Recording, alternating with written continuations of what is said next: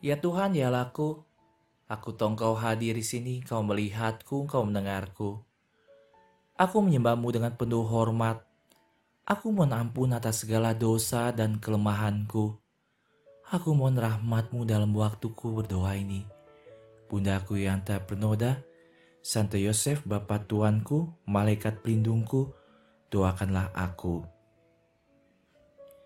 Senin 24 Mei dalam Injil hari ini mengajak kita bersama untuk mengingat kembali bahwa kita tidak akan pernah sendiri. Tuhan akan menyertai kita. Yesus tahu bahwa murid-muridnya akan bercerai-berai. Dia tahu juga bahwa selama ini banyak orang meninggalkan rumah dan keluarga mereka karena mereka pergi bersama keluarga baru seperti yang harus dilakukan oleh Santo Joseph. Karena hal tersebut, Yesus menanamkan ingatan pada murid-muridnya bahwa kenyataannya mereka tidak akan pernah sendirian.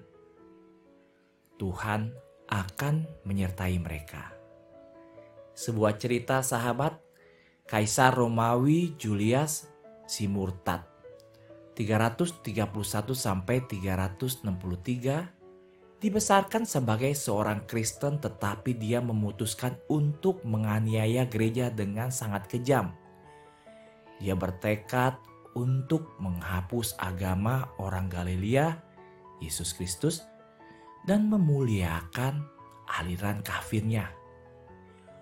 Kuil-kuil tua direnovasi dan yang baru dibangun dan pemimpin aliran kafir dipulihkan. Pada tanggal 26 Juni 363 dalam pertempuran menawan tentara Sasanid dia terluka oleh tombak dan meninggal pada usia 32 tahun. Saat dia berbaring sekarat, dia menyadari bahwa semua usahanya untuk memutuskan pesan Kristus telah gagal. Kamu telah menang, hai orang Galilea. Sahabat, saat itu dan 2000 tahun kemudian sudah ada lebih dari satu juta umat Katolik di dunia. Gereja bertahan dan bahkan berkembang meskipun mengalami penganiayaan yang mengerikan oleh orang Romawi, barbar, Saracen, dan baru-baru ini dari komunisme, fasisme, nasisme. Kerajaan itu datang dan pergi. Sementara kerajaan rohani Kristus terus berlanjut di hati orang-orang yang mengasihi dia. Karena itu sahabatku, kita orang Kristen tidak akan pernah terkejut atau harus takut akan kesulitan dalam hidup kita, seperti kehidupan batin kita, pencobaan, kekeringan, kesalahpahaman, kesepian. Sahabatku, kita harus menyadari bahwa kelemahan kita biasanya melawan arus